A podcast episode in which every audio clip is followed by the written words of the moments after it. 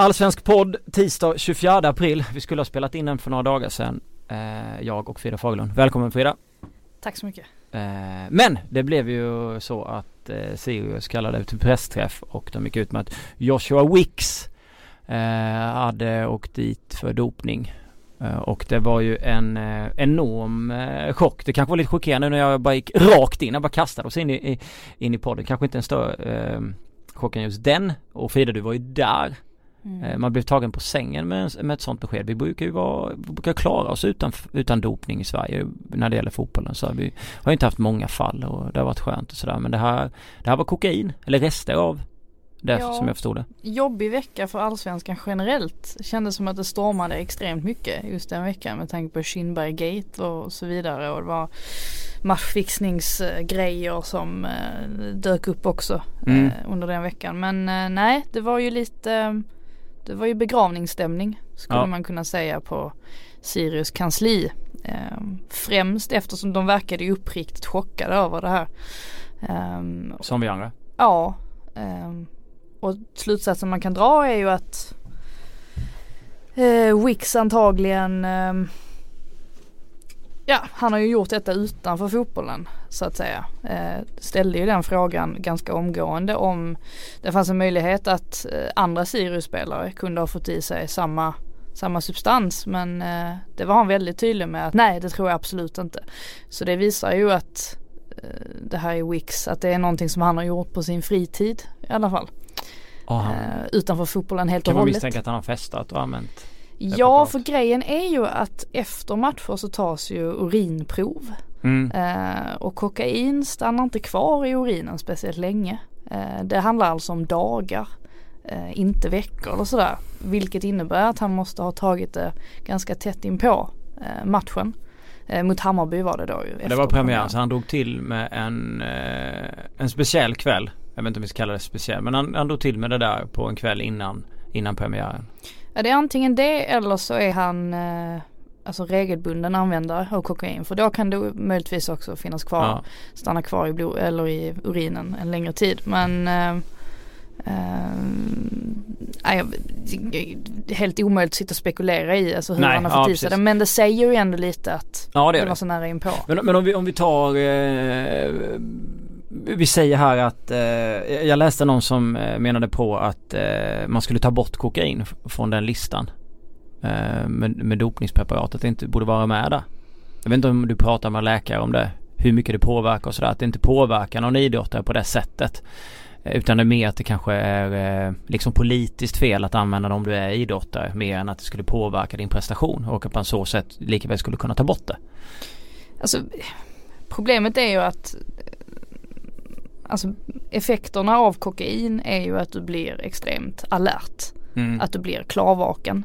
Eh, det finns ju faktiskt en möjlighet att Wix har tagit det här eh, av anledningen att han blir, äh, att han blir mer vaken i sitt målvaktsspel. Äh, nu, nu, finns det ju ingenting som, han har ju själv inte fått komma till tals och sådär så att det vet vi ju ingenting om ju. Men den möjligheten finns ju och så länge den möjligheten finns så känns det ju konstigt om det inte skulle finnas med på listan över eh, otillåtna preparat. Mm. Alkohol blir ju en liten annan grej ändå.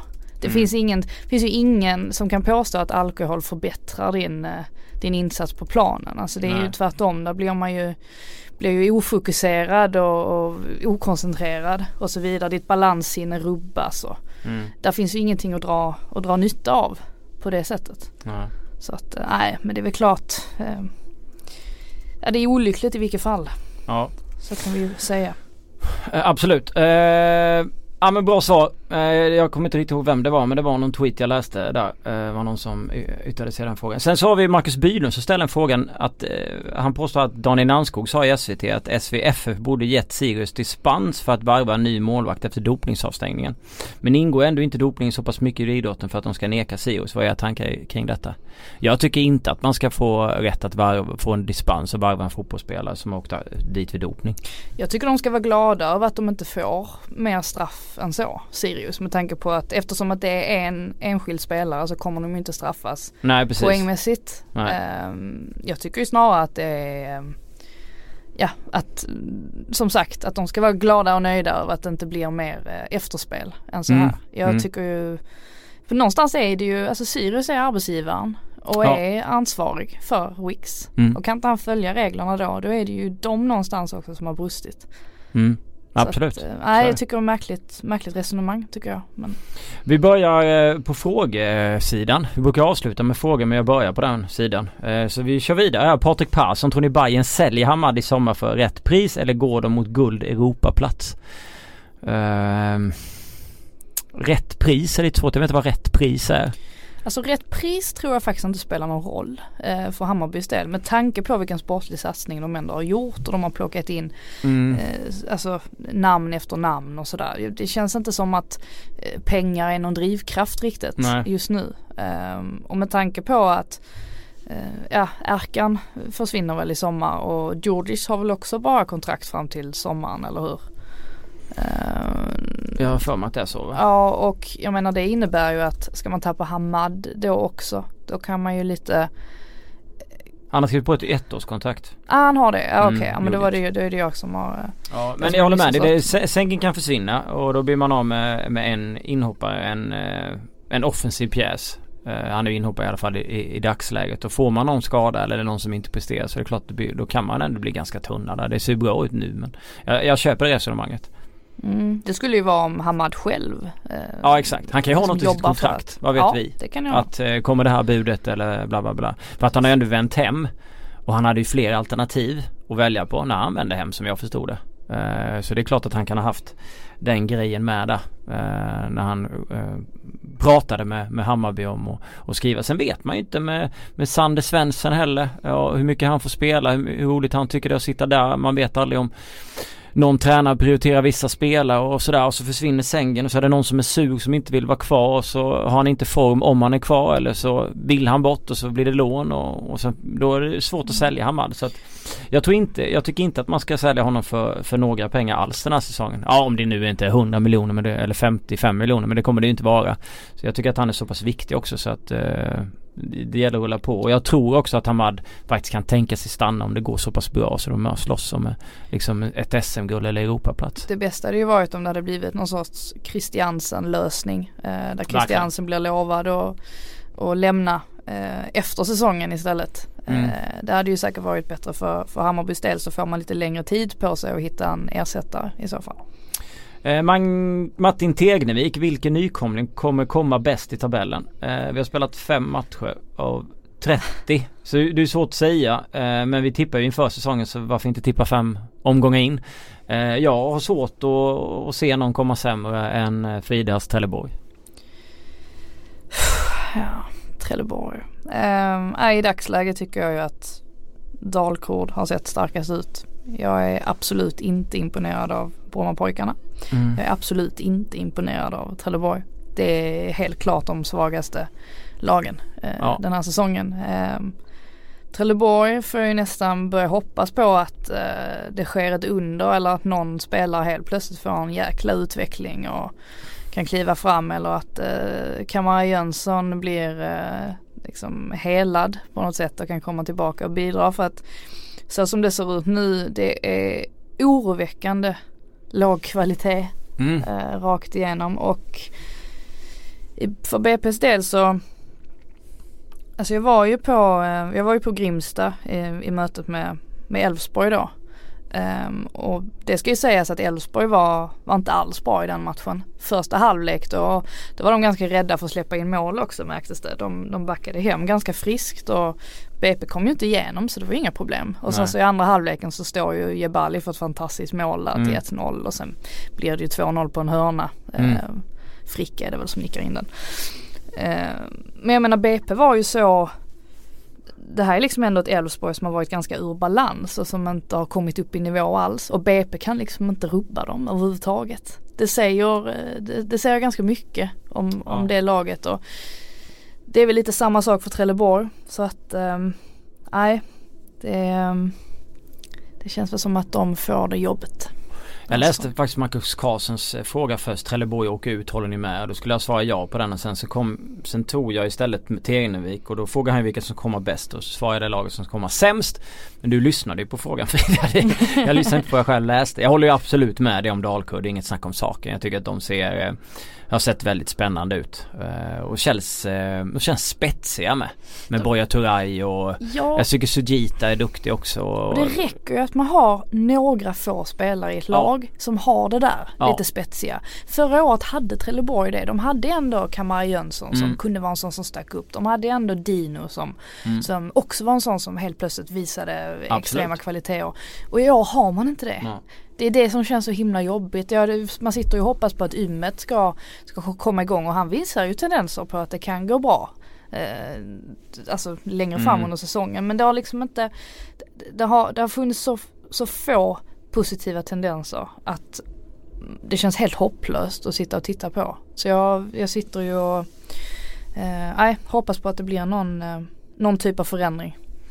Ja du mår inte så bra där eh, angående Trelleborg. Reine Karlsson skojade med oss när vi skrev om eh, eh, podden senast på Twitter att ni, ni lär i vanlig ordning inte hitta några ljusglimtar i Blåvitt. Och då hade vi faktiskt suttit här och, och, spelat in 10 minuter av en podd som inte är kvar nu och, och den handlade ju om IFK Norrköpings dåliga försvar eh, som vi fick en fråga om innan faktiskt matchen mot Hammarby så det var inte så att vi var ute efter det.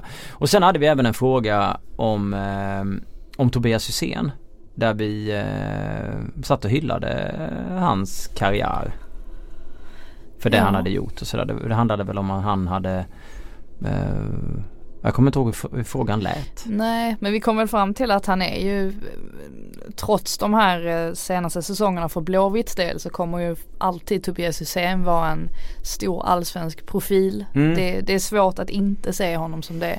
Ja Ehm, det var väl lite där vi landade i alla fall. Sen eh, matchen i söndags, det, den vill nog han helst glömma bort så snabbt som möjligt tillsammans med resten av hans lagkamrater.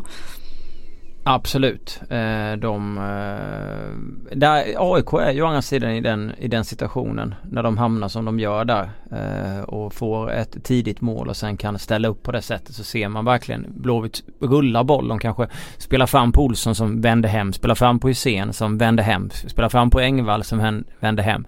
Amina Fane har lite alibi bollkontroll på mitten och spelar någon passning i sidled men de kommer aldrig framåt. AIK har stängt av på båda kanterna med Lindqvist och, och Yashin då som fick hoppa in och, och ersätta Lundström och centralt med Ado, Olsson och Saletto så är det jättetrångt. Och då har inte IFK Göteborg, eh, de hade inte det nu enligt eh, Hussein eh, kvaliteten just för dagen i deras lag. Jag tycker inte att man har kvaliteten överhuvudtaget för att eh, bryta upp AIK i dagsläget. När AIK är så här bra. AIK måste ha en dålig dag för att de ska kunna göra det när de försvarar på det sättet. Där är inte IFK Göteborg tillräckligt bra och det handlar om truppen. Det handlar inte om Pojas 3-4-3. Det handlar inte om Pojas nya sätt att spela utan det handlar om att Poja har inte tillräckligt bra fotbollsspelare i den truppen för att liksom bryta ner AIK på bortaplan. Och det är någonting man måste förstå som Blåvitt supporter att man kan, jag tycker inte ens att man skulle kunna kräva en, alltså det är klart man kan hoppas på en poäng men en poäng för IFK Göteborg på bortaplan mot AIK tycker jag skulle vara som en skräll om jag tittar på de två trupperna. Ja, sen så kan man ju eh, argumentera för att de kanske skulle haft en mer defensiv approach, alltså matchen igenom. Mm. Nu kändes det som att de det blev liksom för långt mellan försvarslinje och mittfält på något sätt. Alltså de skulle egentligen bara satsa på att försöka begränsa AIK i, ja. i deras sista tredjedel. För det är ju där AIK faktiskt kan få problem ibland. Mm. Och jag menar när eh, Robert Lundström går sönder där efter tio minuter. Då kändes det som att ja men nu har ju ändå Blåvitt en chans att komma ja. in i matchen. För att utan Lundström så blir den där högerkanten inte alls lika farlig. Nej. Um, Han har ju varit grym liksom. Ja men verkligen. Eh, men eh, nej, så blev det ju inte utan man man sprang ju faktiskt runt lite som statister och AIK mm. fick göra lite som de ville. Mm. Och med det sagt så var ju Kristoffer Olsson fullständigt fenomenal matchen igenom och det är ju klart, eh, det håller det centrala mittfältet så hög kvalitet så blir det ju ännu jobbigare att försöka ja. få kontroll på matchen. Så. Är man fyra meter ifrån Kristoffer Olsson. Han får vända upp på det sättet. Då är det lite som, jag kommer ihåg jag sa det i tv-tycket. Eh, jag tänkte på Martin Mutumba när han hade spelat en fotbollsmatch och pratade om den här stjärnan i Super Mario. Att han hade tagit den och så sprang han och gjorde lite vad han ville. Så var det verkligen med Olsson. Det kändes så. Alltså kan inte släppa Kristoffer Olsson på det sättet när han har Ado och Saletos bredvid sig. Och så kan han liksom, de gör ju så mycket för att han ska kunna skina. Och sen är han verkligen på spelhumör och är jättebra. Och så släpper Göteborg honom flera meter. Då blir han alltså han var, ju, han var ju kanon verkligen. Det här är ju det bästa man kan få. Ja, han kanske har en nivå till då. Men jag tyckte att det var det bästa jag sett av Olsson. På, på länge alltså. Mm, men verkligen och det är väl också där, eller jag såg någon, jag kan tycka det är ett konstigt argument också för att det var någon som påpekade att ja men det är bara för att han har Ado bredvid sig, det är inte mm. konstigt att han är bra. Jo men så är det ju för alla, alltså ja, centrala ja, mittfältare. Ja. Alla centrala mittfältare behöver ju en annan central ja, mittfält som bär upp en. Alltså, så, så det ser vi ju för tusan i United också med Pogba som har Nemanja Matic bredvid sig för att han ska få lite mer hur bra, är, hur bra är Pogba när han går ner? Ja, det har ju varit en debatt hur mycket som helst ja, om det att han blir inte alls en miljardspelare när han går ner och spelar liksom för långt Nej ner. exakt så att jag menar det är ju inte så konstigt så alla, alla centrala mittfältare med offensivt ansvar bärs upp av en minst lika bra central mittfältare som har lite mer defensivt ansvar. Det är ju inte, är inget konstigt. Nej alltså om man inte, och, och, har man inte sett det så ska man verkligen titta på det svenska landslaget under Janne Andersson. Där har du Marcus Berg och Ola Toivonen. Marcus spelade ju ändå forward ibland i landslaget för med, med Zlatan och någon annan. Men Ola var ju inte ens han var inte ens påtänkt att starta och båda de här har varit med och slagit ut länder som Holland, Frankrike och Italien. Och Ola spelar inte i sitt klubblag. Men har du rätt personer kring dig, har du rätt omgivning så kan du vara bra och då kan du få utdelning. Och det tycker jag definitivt du har rätt i. Mm. Det, det, blir så en löjlig diskussion. Det, så är det för alla spelare. Jo, det är klart att vissa spelare är ju övermäktiga eh, Leo, Leo, Messi och, och Cristiano Ronaldo. De kan göra lite vad de vill ibland oavsett vem som spelar bredvid. Även om de har väldigt stor nytta av eh, ja, Iniesta eller Modric och så vidare. Men de kan ändå göra saker som eh, är långt över många andra på egen hand. Men i stort sett alla spelare behöver en bra omgivning. Ja men precis. Jag tycker ju lite att alltså Kristoffer Olsson, så som han var i söndags, då är han definitivt allsvenskans bästa centrala mittfältare med offensivt ansvar. Mm. För totalt sett så tycker jag fortfarande att Fouad Bachirou är eh, i en klass för sig på något ja. sätt. Att han är, han är, jag tycker nästan att han är allsvenskans bästa spelare. Nu är det svårt att jämföra så här olika positioner ja. och sånt men totalt sett så ser jag honom som en av de absolut bästa Hade han spelarna. spelat ihop med Kristoffer Olsson så hade Olsson också varit väldigt bra. Oj oj oj. Ja, Herregud. Han hade ju varit klass där. Uh, ja. Uh, vi hade någon gammal fråga med Gustav Nordlöf frågade vem som är viktigast för Blåvitt att behålla säsongen ut, Mix eller Engvall och då var vi väldigt inne på Mix kommer jag ihåg när vi satt och pratade om det efter hans uh, svaga insats nu senast så uh, Nästan svängt lite grann. Ja nästan svängt lite och känner att Engvall Eh, kan nog komma igång. Jag tyckte Engvall gjorde hyfsade grejer mot AIK borta även om det är en väldigt svår fotbollsmatch. Och det är klart att det var svårt för Mix också men jag men eh, ja, just nu är det verkligen 50-50 där. Jag tyckte Mix hade gjort väldigt mycket nyttiga och bra grejer för Blåvitt fram. Det, det, det, har han gjort den här säsongen förutom den matchen så man kanske inte ska gå ner sig eller gå ner mot honom för mycket. Efter just den fighten. Jag tror att den kan bli väldigt viktig. Eh, men båda är verkligen lånespelare. Jag tycker att båda måste vara kvar i IFK Göteborg. Jag känner att de har Ja, alltså lämna, om båda de två skulle försvinna så känns ju den här truppen eh, ännu svagare än vad den redan är. Det är ja, ändå kvalitet absolut. hos båda två. Absolut, Blåvitt behöver ju verkligen inte tappa spelare, de behöver få in fler ja. spelare.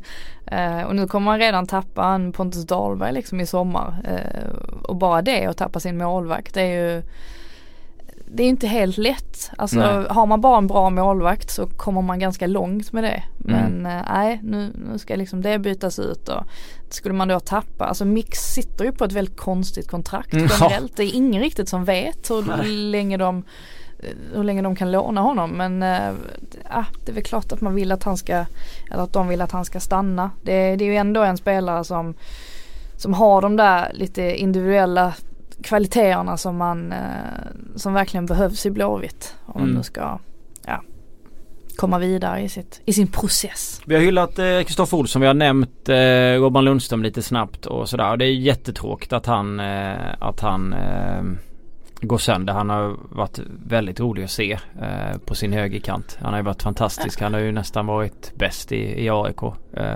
genomsnittligt sen, sen den här säsongen började om man räknar med försäsongen så.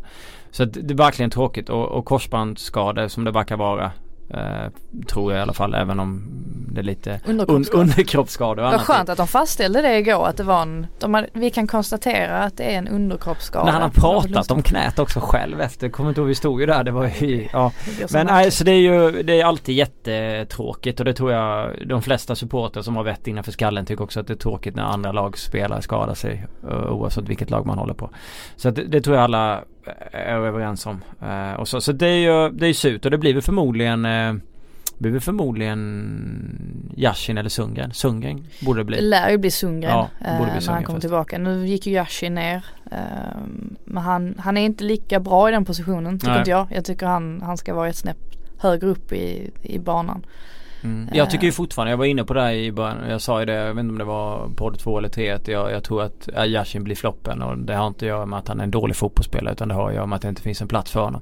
Och de där första minuterna när han spelade offensivt sett så var ju, jag kommer ihåg du sa någonting om det att du var ändå nyfiken på att verkligen se han i en roll som liknar den han har haft tidigare. Mm. Inte sådär inne du vet så, så fick han 10-12 minuter och sen så blev han wingback och han gjorde inte bort sig som wingback absolut inte. Nej nej nej. Det tycker jag inte han gjorde. Eh, han vågade ju ändå lite mer längre fram men man märker att han får inte ut det han är bra på. Uh, och där finns det ändå potential, en duktig fotbollsspelare men uh, Sundgren det är ju hans normala position. Ja men precis och nu när Robin Jansson har visat sig vara, mm. vilken, vilken, alltså, vilken saga det har blivit. Mm. Uh, det trodde man knappt när ja men när man såg honom i startelvan inför Örebro-matchen så tänkte man, åh herregud hur ska det här gå liksom. Fyrbackslinje för det första som AIK inte är helt Nej. vana vid att spela längre. Eh, och så han med Per Karlsson, gick ju hur bra som helst. Mm. Och samma nu ju i en trebackslinje, gick ju hur bra som helst. Mm. Så han har ju antagligen spelat till sig den där eh, platsen nu, då kan man ju flytta upp Sundgren igen. Eh. Jag tycker han var bäst i, han var bäst i backlinjen mot AIK om man ser till hans eh offensiva passningar och sådär också. Det är klart det är Per Karlsson men man, man kräver väl mer av Karlsson och Milosevic även om de var väldigt stabila för Blåvitt skapar ju skapar ju egentligen ingenting. De hade ett skott på mål i 75 minuten. Så att Precis, han har ju den där um, lite AIK, au, kan inte ens prata. AIK. AIK, för helsike vad skånskt det ja. AIK-auran. Ja. Uh, det här med att, uh, nej men han kommer ju, det märks ju typ när han snackar och sådär att han, han är väl en liten, uh, liten lantis på ett sätt. Mm. Men han har det här, uh, den här pondusen, den här, uh, de här ledaregenskaperna som, som uppskattas i AIK och som uppskattas av folket på läktarna. Det märkte man så fort han, eh, så fort han gjorde någonting bra eller han tacklade någon, han jobbar hem eller vad som helst. Och liksom publiken bara reser sig upp. Mm. De älskar ju den här killen redan efter två matcher. Mm. Så han kan säkert komma att bli en stor klubbikon så småningom med tanke på stora steg han har tagit på väldigt, väldigt kort tid. Vi återkommer till lite frågor lite senare men om, om vi känner på AIK då efter fem omgångar och tittar var de ligger då känns det som att de har trots en del skador. Silva gjorde ett drömmål. Det ska ni inte glömma. Herregud vilket mål han gör. Alltså vi, vi måste ju prata om det inhoppet. Ja det inhoppet är ju, eh, jag, jag, kan inte hitta rätt ord för det. Det är svårt att beskriva det. Jag ville beskriva det som märkligt men det är ändå, det är ändå för bra för att vara beskrivet som märkligt. Det är mer absurt, surrealistiskt. Surrealistiskt tycker surrealistiskt jag är bra. Ja för att han hoppar in liksom efter 10 minuter, gör det här drömmålet efter 20 så går han ut skadad efter 30 för att han dog en frispark utan att ha värmt upp. Ja. Det var... Ja, ett statement i alla fall. Att han inte skadar sig då när han gör det här jättemålet utan han skadar sig på frisparken istället. Eh, säger ju också någonting när han är, när han är högerfotad som han skjuter med så då har han med vänstern det här dödmålet och där skadar han. Ah, alltså det inhoppet är ju, alltså det var ju magiskt. Eh. Det där kan ju vara en segway dock till skadebekymret. Ja. Alltså framförallt i AIK som ja, börjar få ett väldigt välfyllt eh, rehabcenter. Ja. Det, det blir bara fler och fler. Mm. Um, och det var ju som att, alltså Rickard Norling uttryckte ju ändå uh, att han faktiskt börjar bli lite, ja men dels lite frustrerad men också väldigt bekymrad över läget. För han förstår ju också att även om AIK har en väldigt bred trupp så har de inte en så bred trupp. Um, hade, blir det nu fler skador i en till skada till exempel i, i nästkommande match, ja men då står man där plötsligt med, ja Alltså nu har man ju tur bara att Sundgren kan, kan spela ja, på precis. högerkanten. Vad, vad händer liksom om Ja. Nej. nej men, eh, men trots det så har de ju känts bättre. Det känns som att de har fått liksom vinden dit de vill att den ska blåsa. Matcherna har fallit i deras smak och och de har fått igång spelare som de vill få igång. Olsson har ju, han gjorde ett vackert mål. Andra målet var jättefint också. Um, så, men skadorna och, och annat har ju hänt jättemycket där. Alltså Jesper Nyholm och Sundgren tillbaka. Lundström är, är typ bäst korsbandsskadad och ja. Silva kom in gör drömmål och går ut skadad. Alltså det är ju så här, Det har hänt, alltså det har hänt så mycket som det brukar göra i i AIK.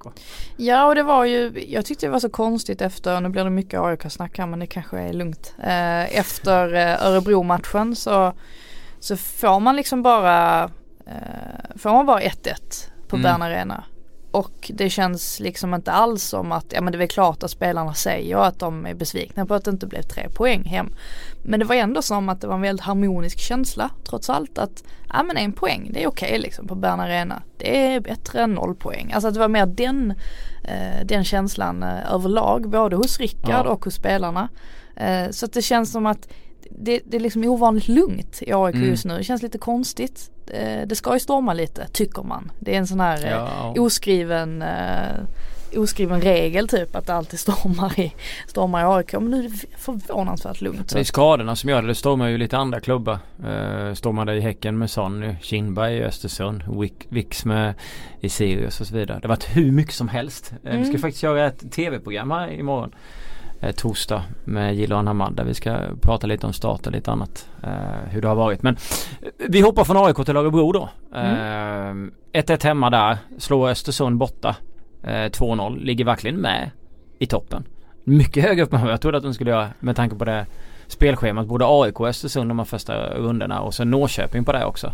Så att de har ju verkligen överraskat positivt. Um... Ja och de har väl överraskat i den um benämningen att man inte riktigt visste eftersom att de inte värvade in så många Nej. spelare så visste man ju inte riktigt var de stod någonstans. Nej. Uh, men jag menar alltså Besara fortsätter ju att vara Eh, en av seriens främsta eh, får man ändå säga. Han avgjorde ju på egen hand mot eh, Trelleborg. Och jag tyckte överlag alltså insatsen mot AIK var extremt positiv. Det finns andra spelare också som Uh, tycker imponerar, ja men som Filip Rogic inte minst på, på mm, kanten mm, där. Och, uh, Igbon Anike har ju inte alls kommit upp i den nivån vi såg förra våren men är ju fortfarande en spelare med mycket kvaliteter. Det, det ser man ju direkt. Och mm. Michael Åmer kom in också mot AIK väldigt tidigt eftersom Viktor Sköld uh, fick utgå. Mm. Tycker också han, han visar att, att där är någonting. Uh, så att, eh, nej äh, var Björnqvist där på, på högerkanten. Eh, det var nästan, nästan allt skedde genom högerkanten i första halvlek och de fick in många inspel och sådär. Så att, eh, mycket positiva tendenser i, i Örebro generellt. Och kul med Axel Kjell, han är 30, vad är 36? Han har spelat i Örebro har varit ASS-tränare i Örebro. Kan väl Örebro bättre än någon annan. Har typ kvar samma lag och kontinuitet betalar sig. Och det är ju ändå roligt. Än så länge gör det ju det. Eh, om man tittar. Att han liksom känner spelarna, varvar inte så mycket.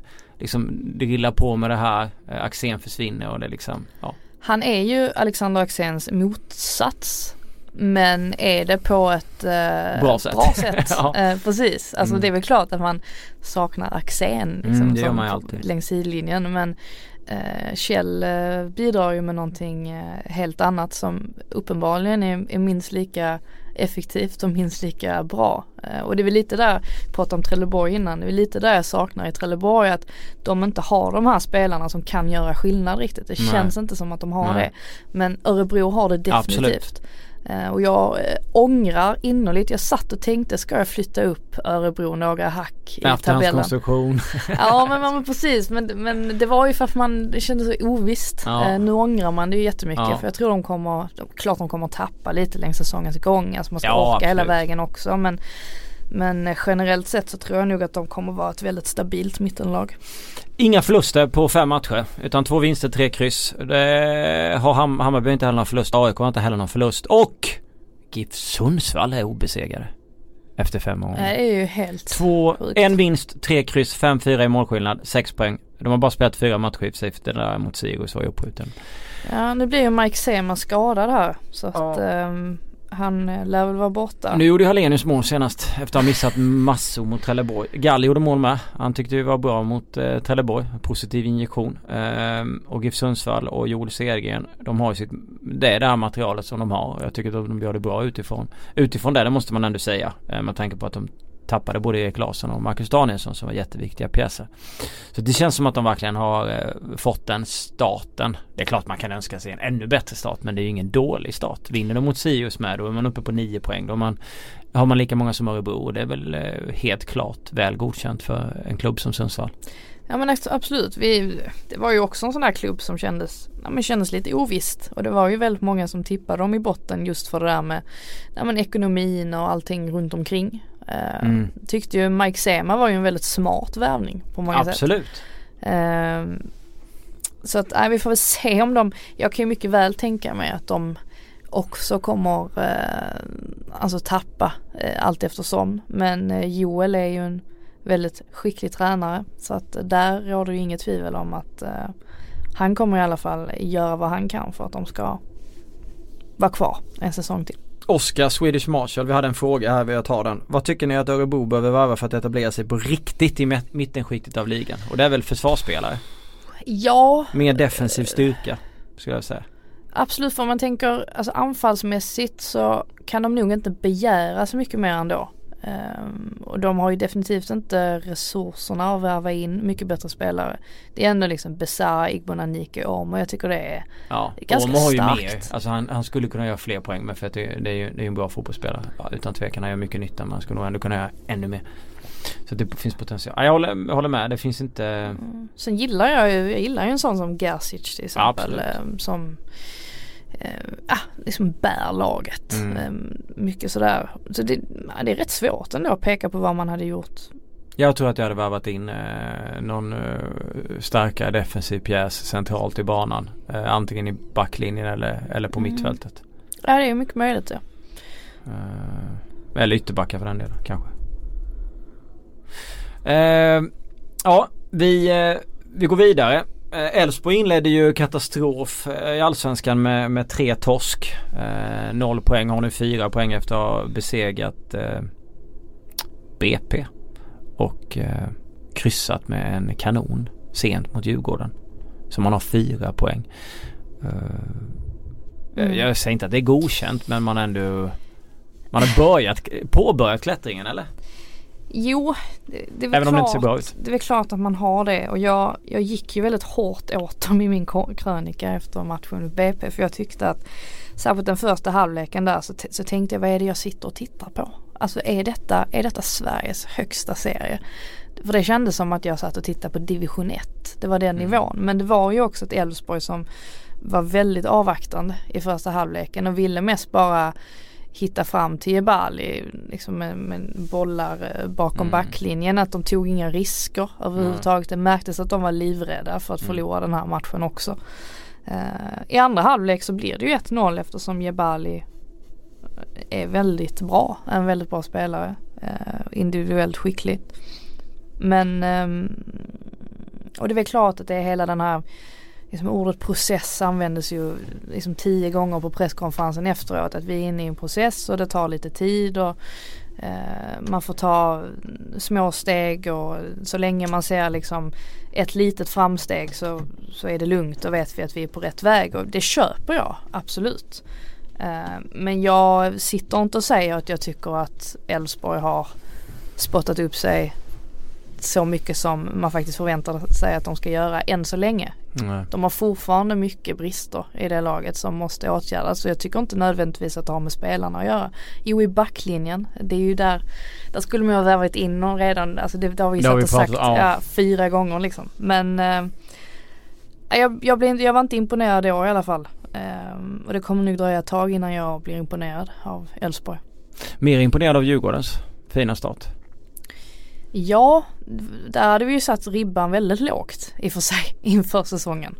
Eh, så det kanske beror på det också. Men jag håller med, jag tycker de ser starka ut. Och en sån som Jonathan Ring också som eh, ett tag så att man var lite osäker på honom under mm. försäsongen.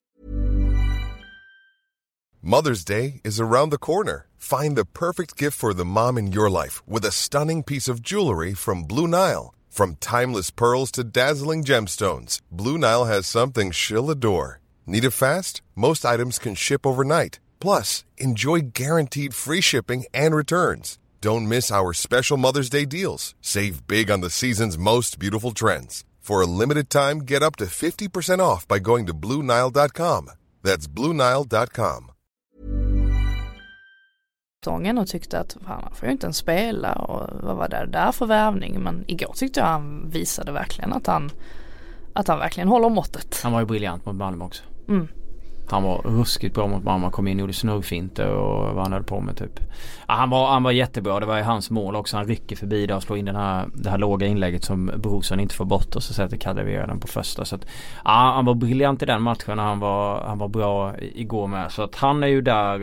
Eh, Kosic får nog nöta bänk ett tag. Um, Mm. Och det tycker jag väl inte mer rätt. Kevin Walker också har kommit in. Eh, och det var verkligen en sån grej som jag tänkte på när Djurgården mötte Malmö. Man hade Jonas Olsson i backlinjen då med Danielsson. De plockade bort Strandberg och Jeremejeff bra mm. förutom de gångerna Jeremejeff droppar ner lite som är lite svår att plocka. Och sen hade man Walker med mycket energi. Och på den energin och viljan så spelade man bättre och vann båda straffområdena och, och var stort vassa. Och jag tycker att Djurgården lever också mycket på det. Kevin Walker är en viktig pjäs när det gäller det där. Jag tycker att han sliter bra. Um, antingen om man spelar med Ulv Ulvestad var väl bänkad igår. Han spelar med Karlström där från start och så. Och det funkar ju snurra på alla tre. Även om jag tycker att Ulvestads högsta nivå är över de andras nivå. Mm. Men de eh, är vi, bra lirare. Vi måste nog snacka lite också om eh, Une Larsson, Danielsson, Olsson mm. grejen för att absolut Jonas Olsson är en eh, fantastiskt stor profil i Djurgården. Men jag tycker att Une Larsson och Danielsson har sett mycket bättre ut ihop eh, än vad det har gjort när Jonas Olsson har kommit in på planen. Olsson är en belastning enligt dig? Ah, vilken kvällstidnings uh, hårdragning. Uh, nej absolut inte. Uh, men det är mer att de bästa ska spela tycker mm. jag. Och uh, det är nog tur tror jag på ett sätt och vis att Jonas Olsson inte spelar varje match vanligtvis. Att han ofta, alltså, att han behövs vilas mm. då och då. för att jag tycker det är synd om Danielsson inte får spela med tanke på hur bra han har sett ut. Och Une Larsson känns ju också helt omöjligt att peta. Liksom. Mm. Det är tre bra huvudspelare med. Ja men verkligen. Eh, sen fick väl Öskan väldigt mycket kritik igår för hans eh, taktiska drag där på slutet. När han plockar ut Tino, sätter mm. in Jonas Olsson. Mm. Eh, det följer inte riktigt väl ut. Eh, första gången faktiskt under säsongens gång nu som jag har sett så hård kritik mot Öskan. Som det ändå var både från Djurgårdshåll och från mm. experthåll. Mm. Ja men, eh, nej, men det, det kan väl köpa att det är lite problematik eh, kring det. Det är väl skönt att kunna snurra på de tre beroende på vilket motstånd man möter. Jag får väl ändå säga att jag tycker att det var rätt att starta med dem, eh, de två mot Elfsborg borta. Och jag tycker det var helt rätt att starta med Danielsson och Olsson mot Malmö hemma. För de gjorde ju verkligen vad de skulle. Eh, Olsson ägde ju Carlos Strandberg i den matchen. Jag tyckte inte mm. han var så bra i derbyt men han var, han var riktigt bra i den andra matchen. Mm. Så att eh, Ja, om han har fingertoppskänslan Öskan och kan flytta och byta sätt till motstånd. Trebackslinje? Ja, treback också funkar Men då, ja då blir Beijmo ja, wing och Augustinsson. Så det blir ju ja, det blir, blir lite annorlunda. Uh, vi, vi hade någon fråga där med. Um, Gustav Fotboll undrar om det kan vara säsongen då det lossnar för Kadavere. Det får man väl säga att det redan har gjort. För att jag tycker att han har varit så uh, jag tycker inte han har varit speciellt bra. Jag tror väl inte riktigt på att han kommer vara så bra över 30 omgångar heller. Uh, även om jag, han har blixtrat till några gånger under den här säsongen och gjort bra grejer men mm. eh, Ja men det, det borde ju vara den här säsongen för det är den här säsongen han får massor med speltid. Och han känns ju lite som Budgie också just i det här att man kan vara Alltså de kan se så loja ut under en period och så helt plötsligt bara liksom mm. får de in en, en boll. Ja, det är oerhört jobbigt att spela mot dem för att de, precis som du säger, de tappar bollar i lägen där man bara, alltså den där hade jag gjort bättre och sen så kommer det någonting som du inte alls hade räknat med. Så det är ju två anfallare som är oerhört svåra att läsa. Ja, väldigt oberäkneliga. Ja. ja. Um, och frågan är om det är det man vill ha egentligen. Uh, nu, får vi, nu får vi se hur många matchers avstängning fick Jura egentligen. Det var tre va? Ja det kan nog vara ett. Ja, uh, får vi se vad som händer när, när han kommer tillbaka. Han hinner väl kanske knappt spela någonting men uh, nej, alltså jag har ju också svårt att säga att, att både Tino och Badji skulle gå för de här jättesummorna som Olunga gick för. Nej det tror jag. men, men samtidigt så vet jag ju om att helt plötsligt så kanske någon av dem får någon jäkla liksom, superutveckling på väldigt kort tid och så blir det så. Man, man vet ju aldrig med den där typen av spelare. Ja. Nej det är sant, det är sant. Eh, om, vi, om vi går vidare och kollar på eh, Vi har ju Hammarby och vi har Malmö och vi har, vi har andra klubbar som vi bör beta av. Det kan bli en lång Lång podd här ändå. Vad vill du känna på för först? Är det Hammarby eller Malmö? Uh, ja men vi kanske ska ta lite Malmö nu då så sprider vi ut det geografiskt. Mm.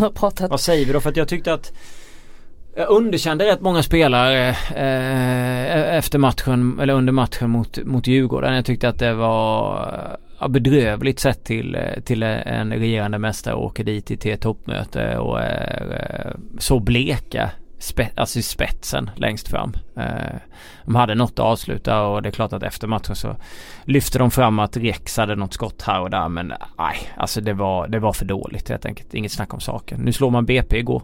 3-1. Det står 1-1 ett tag. Även ja, om man dominerade precis. matchen. Den här, eh, de här 3-1 eh, speglar ju kanske inte matchbilden så generellt. Alltså Nej. Eh, BP backade ju faktiskt hem. Mm. Något vi inte såg i matchen mot Hammarby. Det märktes ju att nu har ju kanske Pimenta börjat förstå att det går liksom inte att försöka spela, spela sig igenom eh, någon av de lite större klubbarna. Så att nu backar de hem. Jag tror Rosenberg sa att det var som att spela mot en 11 mur i princip. Ja, försöka, precis, försöka komma igenom. Eh, ja. Nej det är klart man vinner, man ska vinna också mot, mot BP. Det är, så är det ju bara. Eh, sen eh, kommer man ju fortfarande inte upp i den där nivån som man förväntar sig att eh, Malmö ska komma upp i. Eh, det gjorde de ju i och för sig inte förra våren heller. Då plockade de ju ändå poängen på något sätt och de mm.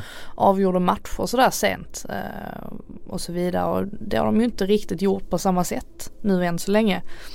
Men det beror ju såklart också på skadorna. Eh, nu kommer ju Bachirou förmodligen tillbaka här om, om någon vecka. Mm. Eh, antagligen två kanske. Eh, vi får se om han hinner bli kvar, klar till, till cupfinalen. Han, han siktar ju på den själv. Men eh, nej, jag tror han är, han är superviktig och samma Bengtsson. Ja exakt, alltså Bengtsson nu var han också igång i träning igen vilket är ju jättekul att se. Han är också tillbaka till cupfinalen. Ja, eh, för det där var man ju lite rädd för lungkollaps. Man har ingen aning nej. om vad, vad prognosen är, är där. Så att um, nej, det, det, är väl klart att, att de är beroende av, av vissa spelare. Det är ju inget snack om saken. Och det har ju pratats om nu, ja de kanske inte har så bred trupp i alla fall. Ja mot Djurgården så, så var det väl lite så det blev att Liksom det skrev jag i min motivering om att det var ett bli tronskifte i Sverige. Så skrev jag just på grund av det där. Att det inte, de hade den där bredden. Och det är klart efter fem omgångar av 30 så har jag känt att jag kanske har rätt. Men det är långt kvar. Och de har en stor plånbok och de har kvalitet i det där laget. Så det är långt kvar. Och nu har ju AIK inte... helt plötsligt, nu har de så många skador. Ja, de helt plötsligt inte ja. heller har en så bred trupp. Så att man ser det, det svänger snabbt. Ja det gör det verkligen. Eh, även om den, man liksom lite fått in känslan, ja det kan ändå kanske vara som Malmö men sen ska man komma ihåg att det finns mycket kvalitet i de där spelarna som inte riktigt har hittat rätt ännu. Och det, eh, det, var väl ett sånt exempel mot Djurgården. De gjorde lite ändringar, kom inte riktigt igång. Men vi säger att de där spelarna hittar formen här under matchen, under säsongen så kommer inte det vara några problem. Och kasta ut och in lite folk. Uh, och de är så pass bra spelarna i deras trupp så att jag ser inte riktigt att de inte skulle kunna hitta formen heller.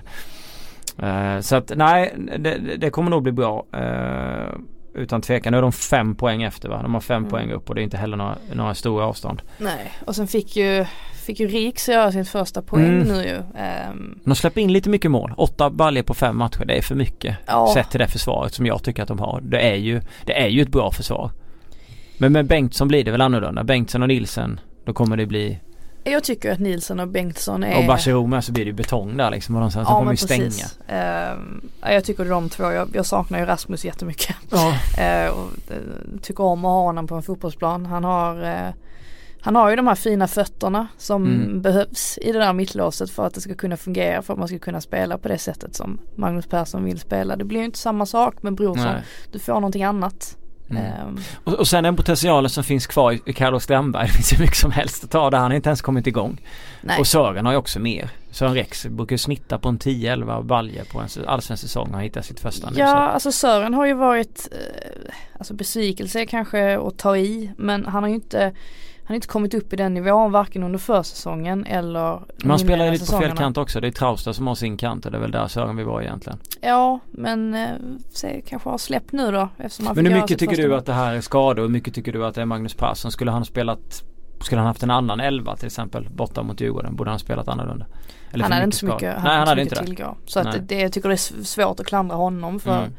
För Djurgårdsförlusten. Mm. Eh, det tycker jag verkligen. Um, nej jag tycker väl någonstans att de saknar ju, jag menar förra säsongen då hade de en, en Christiansen som var mm. allsvenskans bästa spelare och slog de här bollarna som, som kan behövas ibland. Alltså när man hamnar i lite trängre lägen att han helt plötsligt kan slå en boll som öppnar upp hela, hela planen. Mm. Eh, och då hade man ju, nej men en, en Rakip och ha bara en sån i sin trupp är ju ovärderligt på många sätt. Ja, det är liksom det, det, blir ju så här, jag tycker det är svårt, alltså rent formationsmässigt så är det svårt att klandra honom. Sen är det ju ibland att, ja.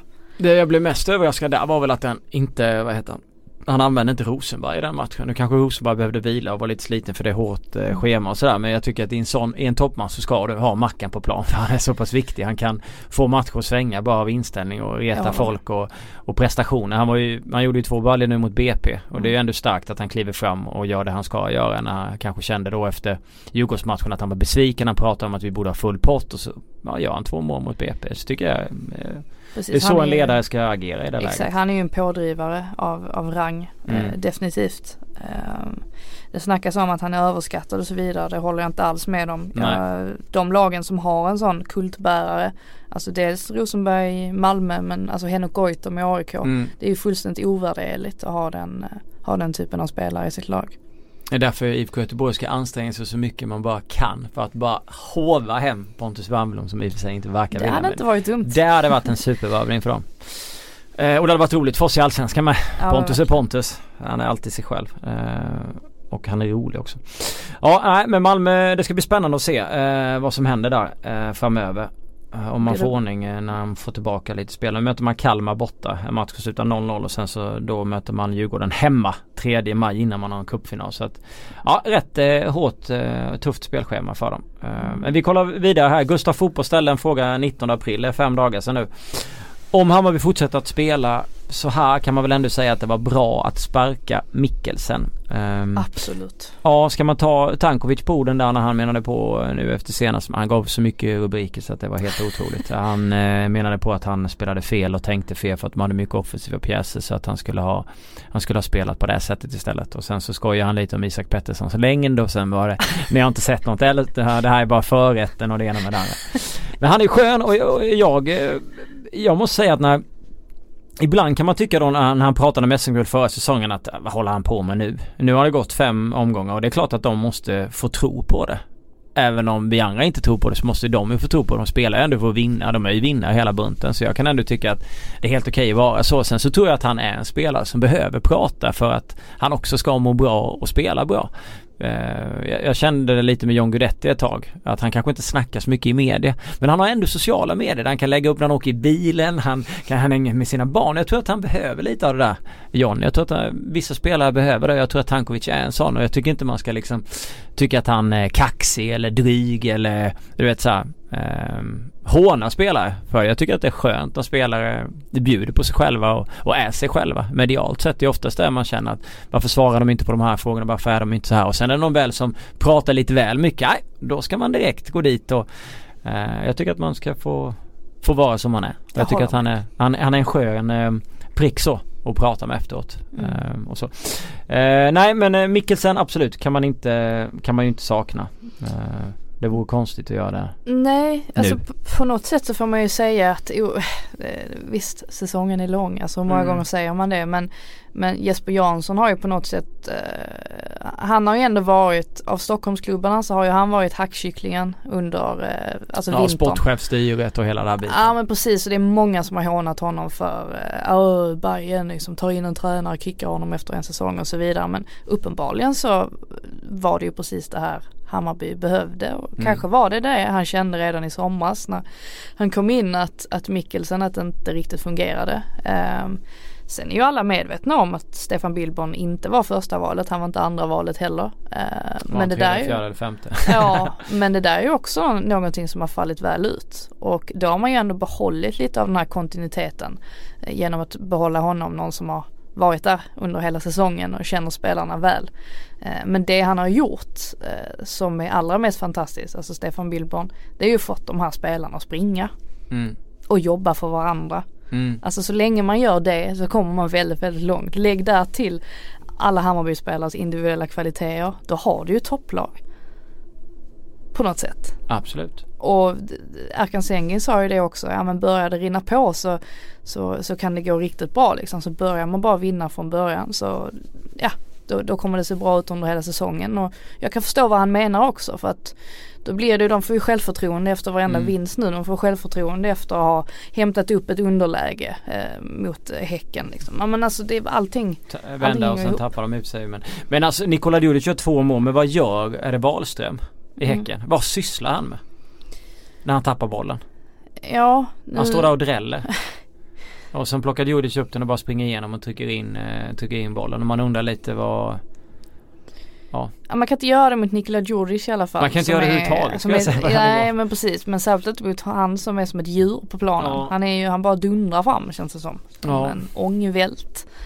Eh, så att nej. Men, men annars, Häcken kommer ju tillbaka där vilket jag tycker är starkt med tanke på den, eh, det flowet som Hammarby har och den styrkan som Hammarby har just när de är i ledningen och som de har varit den här säsongen. Så det är ändå starkt av, av Häcken att, att komma tillbaka och kvittera till, till 2-2. De är sexa på sina åtta poäng här efter. Och det är väl en helt okej eh, start för eh, Häcken med med El Kabir och Paulinho och sådär. Sen är det väl vissa som inte riktigt har kommit igång. Man har lite sparkapital och så. Sen med, med tanke på Häcken så fick vi den här frågan av Häckenvän. Varför blir inte Sirius målvakt utvisad? Pratade vi om den? Det gjorde vi inte för att vi har inte gjort någon podd sen dess. Vi gjorde, vi, vi var ju började mitt uppe i det. Ja. Det var ju det som var så, det kan vi ju berätta nu att precis när vi satt och pratade om Sirius så dök ju den här flashen upp Med Vix där ja. med Wix. Och då sa vi ju direkt att det är ju Wix. Ja. Bara för att det var så uppenbart Ja, att han exakt. hade strukit ur truppen så pass Mm. sent. Ja men det var ju den situationen och det är ju ett självklart rött kort. Där. Ja, det, ja precis, jag hade inte höjt på ögonbrynet om han hade Nej. blivit utvisad i, i det läget. Eh, vi, vi, ska snart, vi ska ta några fler frågor. Vi får ta några andra lag nästa gång. Det blir så otroligt långt här. Vi är uppe på 50 minuter. Eh, Kev, Kevin Bader frågar topp tre bästa fikaarenor i Allsvenskan. Eh, och jag har inte varit på alla. Vi vet ju att Elfsborg har en fantastisk eh, fika där. Ja. Jag tyckte att Malmö var svagt eh, när jag var där. De, de måste kunna bättre. Men, men om vi ska ranka Stockholmsklubbarna. Då lägger jag nog Hammarby etta, AIK tvåa, Djurgården sist. Oj! Men alltså Djurgården har sina små kakor Nej liksom. men, men grejen är ju med, med Hammarby, hade de varit, hade de haft kontinuitet i sin pressfika då hade jag absolut kunnat ranka dem. Men vilka är bättre i Stockholm? Ja men AIK, då vet man alltid vad man får. Man vet Ja, att det får, alltid är en sån, kaka du får en sån vetelängd skiva och så får du en för alla. Ja, Ja men då kan man ju tycka att alltså, jag är inte det. lite tråkigt Hammarby vet med, jag aldrig. med samma grej hela tiden. De spexar aldrig till det, de går ju aldrig över gränsen. Det är inte så att de kör korv istället för bröd utan det är samma sak hela tiden. Nu tyckte jag Mackan var sämre än senast. Men alltså jag förstår vad du menar med det här med tryggheten, kontinuitet med fika. Men jag gillar Hammarby mer. De liksom spicar till det ibland och ändå stabila Ja, annars. för jag, jag vill gärna veta om jag ska äta innan Ja, jag kommer dit sluta. eller inte. Det är ju det är fruktansvärt när man kommer till ett ställe som man precis käkat så har de liksom dukat upp värsta buffén. Man bara jaha, det var ju onödigt. Då vill man ju äta För att du ska maten. spara din plånbok. Nej men Det inte bara det. Nej men, Men alltså, du håller med om att Djurgården är sämst?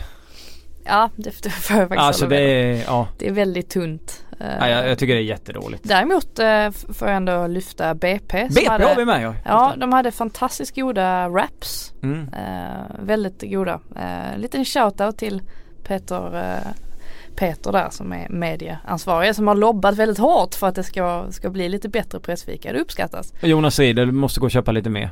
Rutinerad mediare vid Djurgården. Ja. Duktig sådan men eh, pressfikat, eh, jag vet inte om det är han som ansvarar för det men det är, jag tycker det är svagt. Kan lyfta Örebro också som serverar eh, varmkorv med bröd i, i paus. Det är starkt. Eh, och äppelklyftor dessförinnan. Jag kände mig som ett förskolebarn när jag var där. Jaha. Först äppelklyftor innan matchen och sen varmkorv med bröd i, i paus. Det var, det var nice, det var riktigt nice. Trevligt. Mm, verkligen. Ja, eh, nu hittade jag den här frågan från Tobias Andersson. Det var han som frågade hur högt vi värderade Tobias Hyséns prestationer totalt sett i Allsvenskan i, i historiskt perspektiv. Och vi svarade på den innan. Det var den jag letade efter. Och tycker att han eh, absolut ska värderas högt. Vi åker en, inte riktigt, även om det inte är ett fel gå in på allting det vi sa där. Men med tanke på hans landslagskarriär, två mål mot Tyskland, han har varit i PL, han var i Kina och spelade och sådär. Och jag tycker att han har, han varit en, eh, en viktig pjäs i IFK Göteborg med. Så jag tycker att han ska värderas högt. Alla med Hussein i efternamn måste ju värderas ja. högt i IFK mm. Göteborg. Gustav Nordlöf, vem sitter på Allsvenskans bästa frisyr? Oj, alltså jag Robin Jansson ser ju ganska stökig alltså. Har du tänkt mm. på att han är väldigt lik eh, The Mauler? Ja. Mm. Det, det bara slog mig häromdagen. Jag tror, du vill, jag tror Ahmed Yashin blir ledsen om du inte säger han. Det är ju en väldigt vår, välvårdad frisyr. Mm. Uh, jag försöker tänka lite, där är ju ingen sån här uppenbar Mange Eriksson ändå. Nej. Han var ju i en klass för sig. Ja. Vem skulle det vara? Och ingen så här Fellaini med jättestort hår eller eh, Nej. Och ingen Pogba som byter frisyr varje vecka. Nej, Nej men i och för sig Fällman, hade inte han blonderat sig för, för några veckor sedan? Det såg ju, det såg ju väldigt eh, groteskt ut. Ja det kanske är han då. Nej jag har faktiskt inget bra att komma med där. Jag, eh, jag, lä jag lämnar den frågan. um, Ja, sen prata lite frågor om atmosfären i Solna. Den har vi gått igenom. Um, och så vidare här. Nej, eh, Allsvensk podd börjar komma upp mot 55 minuter. Eh, då frågar Andreas Velander om den bästa Stockholmsälvan. Den bästa Stockholmsälvan? Om vi skulle kasta ihop den lite snabbt. Vem tar vi i målet? Det är svårt att ta någon annan Isaksson med tanke på att han är från Skåne och ja, Trelle och det är du med. Ja men gud ja, det går ju inte. Nej. Isak. Isaksson. Ja. Spelar vi 3-5-2, 3-4-3, 4-4-2? Ska vi ta trebacks? Ja vi kör trebacks. Så får vi in fler mittbackar. Okej, okay. vilka ska vi ha? Uh, jag tycker ju Danielsson? Tyck, ja. Jag vill gärna ha in Une Larsson också. Ska du Danielsson och Une? Det är det som blir, det blir ju tufft där då. Vem har vi i AIK? Milose? Usch. Ja det får Vartan. bli han. Det får, Milosevic? Det får bli Milosevic ändå. Ja vi tar Milosevic då och ihop med Danielsson eller Lune. Eller båda. Eller båda två. Ingen i Bayern då? Det skulle vara Fällman i så fall som jag tycker har varit stabil men det är ju ändå Det känns ändå okej okay att inte ta mm. någon från, från Okej okay, men då tar vi eh, Milosevic, Une Larsson och Danielsson centralt på banan. Mm. Som en treback. Mm. Till höger Robert Lundström utan tvekan. Ja verkligen. Till vänster? Eh, till vänster Neto Borges tar vi det. Ska vi göra det? Ja det är ändå lite roligt. Jag tycker ändå han Som wingback har han ju faktiskt varit, alltså ja. han har ju varit bra um, offensivt. Ja men jag tycker inte han, han har varit bättre defensivt än man trodde att han skulle vara också. Så att jag tycker att han ska ta den platsen. Vi sätter han där. Mm, ja men det, det kanske det funkar då. Centrala Centrala mittfältare. Mm. Alltså svårt att inte ta med Kristoffer Olsson. Ja det är det ju. Det är oerhört svårt. Vi måste ha med Kristoffer Olsson där. Vi måste ha med Jiloan Hamad. Han får väl ändå räknas som en central. Ja. ja. Och vem blir då den sista? Ska vi peta Kalili? Eller ska Kalili vara med? Ska vi peta Ado? Ja, det är riktigt svårt. Ja. Alltså, det, det är ett superlag. Kevin Walker tycker jag har kommit in jättebra också. Men det kanske, nej det är lite, nej Djurgården får nog tappa sitt mittfält. Mm. Ja. Det får bli Olsson, det får bli Hamad. Och det får bli eh, men hur har vi ställt upp? Nu har vi väl alla? Eller hur ställer du upp? Jag ställde ju upp 3-5 Men vi behöver ju tre in i mitt. Ja just det, 3-5-2 ja. ja. Ja. Och då är det ju Ado, Olsson och en till. Ado, Olsson. Och Hamad. Och Hamad. Ja okej okay, vi tar Ado då. Och på topp? Uh, ja det här är ju helt sanslöst svårt egentligen. Men är, nu måste vi ju ta någon från Bayern eftersom att de har uh, Men Djurdjic då. Mm. Eller så använder vi Kalili som forward. Det kan man väl få göra eller? ja, det går ju faktiskt också. Ja den är svår. Ihop med Goitom. Ja sen är ju, alltså Marapti, hade han varit hel så hade man ju Ja klart. Mm. Ja. Nu är inte Marapti hel. Nej. Så då får man lov att tänka bort honom. Det är väldigt mycket AIK. Ja. nu, blev, nu är man ju färgad också efter um, efter den senaste helgen kanske. Ja, nej, de slog Göteborg. Ja, men det, Men då tar vi Goitom och... Eh, Alternativt att vi har Hamad längst fram. Mm. Då blir det ju en plats på det centrala så har man, kan man trycka in en junior där till exempel. Bredvid. Ja, Junior ska ju vara med. Ja, ja, ja, herregud vad han ska vara med. Det var en Ja. jättemiss. Det är självklart att han ska vara med. Han har varit suverän. Och så sätter vi upp Hamad högst upp istället. Ihop med Goitom. Ihop med Goitom. Mm, så blir det. Mäktigt ändå. Ja, då blir det Isaksson i målet. Så blir det en treback med Une Danielsson, Milosevic, högerback Lundström, vänsterback Neto Borges. På mitten blir det Junior, Ado, Kristoffer Olsson. Väldigt, väldigt starkt mittfält. Verkligen. Ja, och sen längst fram har vi Goitom och Iloan Hamad. Det här var ju, det var ju någon som skrev till mig på Twitter och, och, och verkade helt seriös med det här. Varför slår inte Stockholmsklubbarna ihop sig? Och jag bara liksom skrattade åt det och tänkte herregud vilken, vilken skandal om det ens hade påtalats för någon av klubbarna. Men vilket superlag Ja, man hade haft. Kanonlag verkligen. Inget snack om saken. Eh, det var eh, 55 goda minuter, eller nästan 60 minuter. Men eh, trevlig fråga i slutet av Andreas Welander. Tack ska ni ha. Vi är tillbaka så fort det går. Förmodligen efter den här omgången så säger väl tisdag.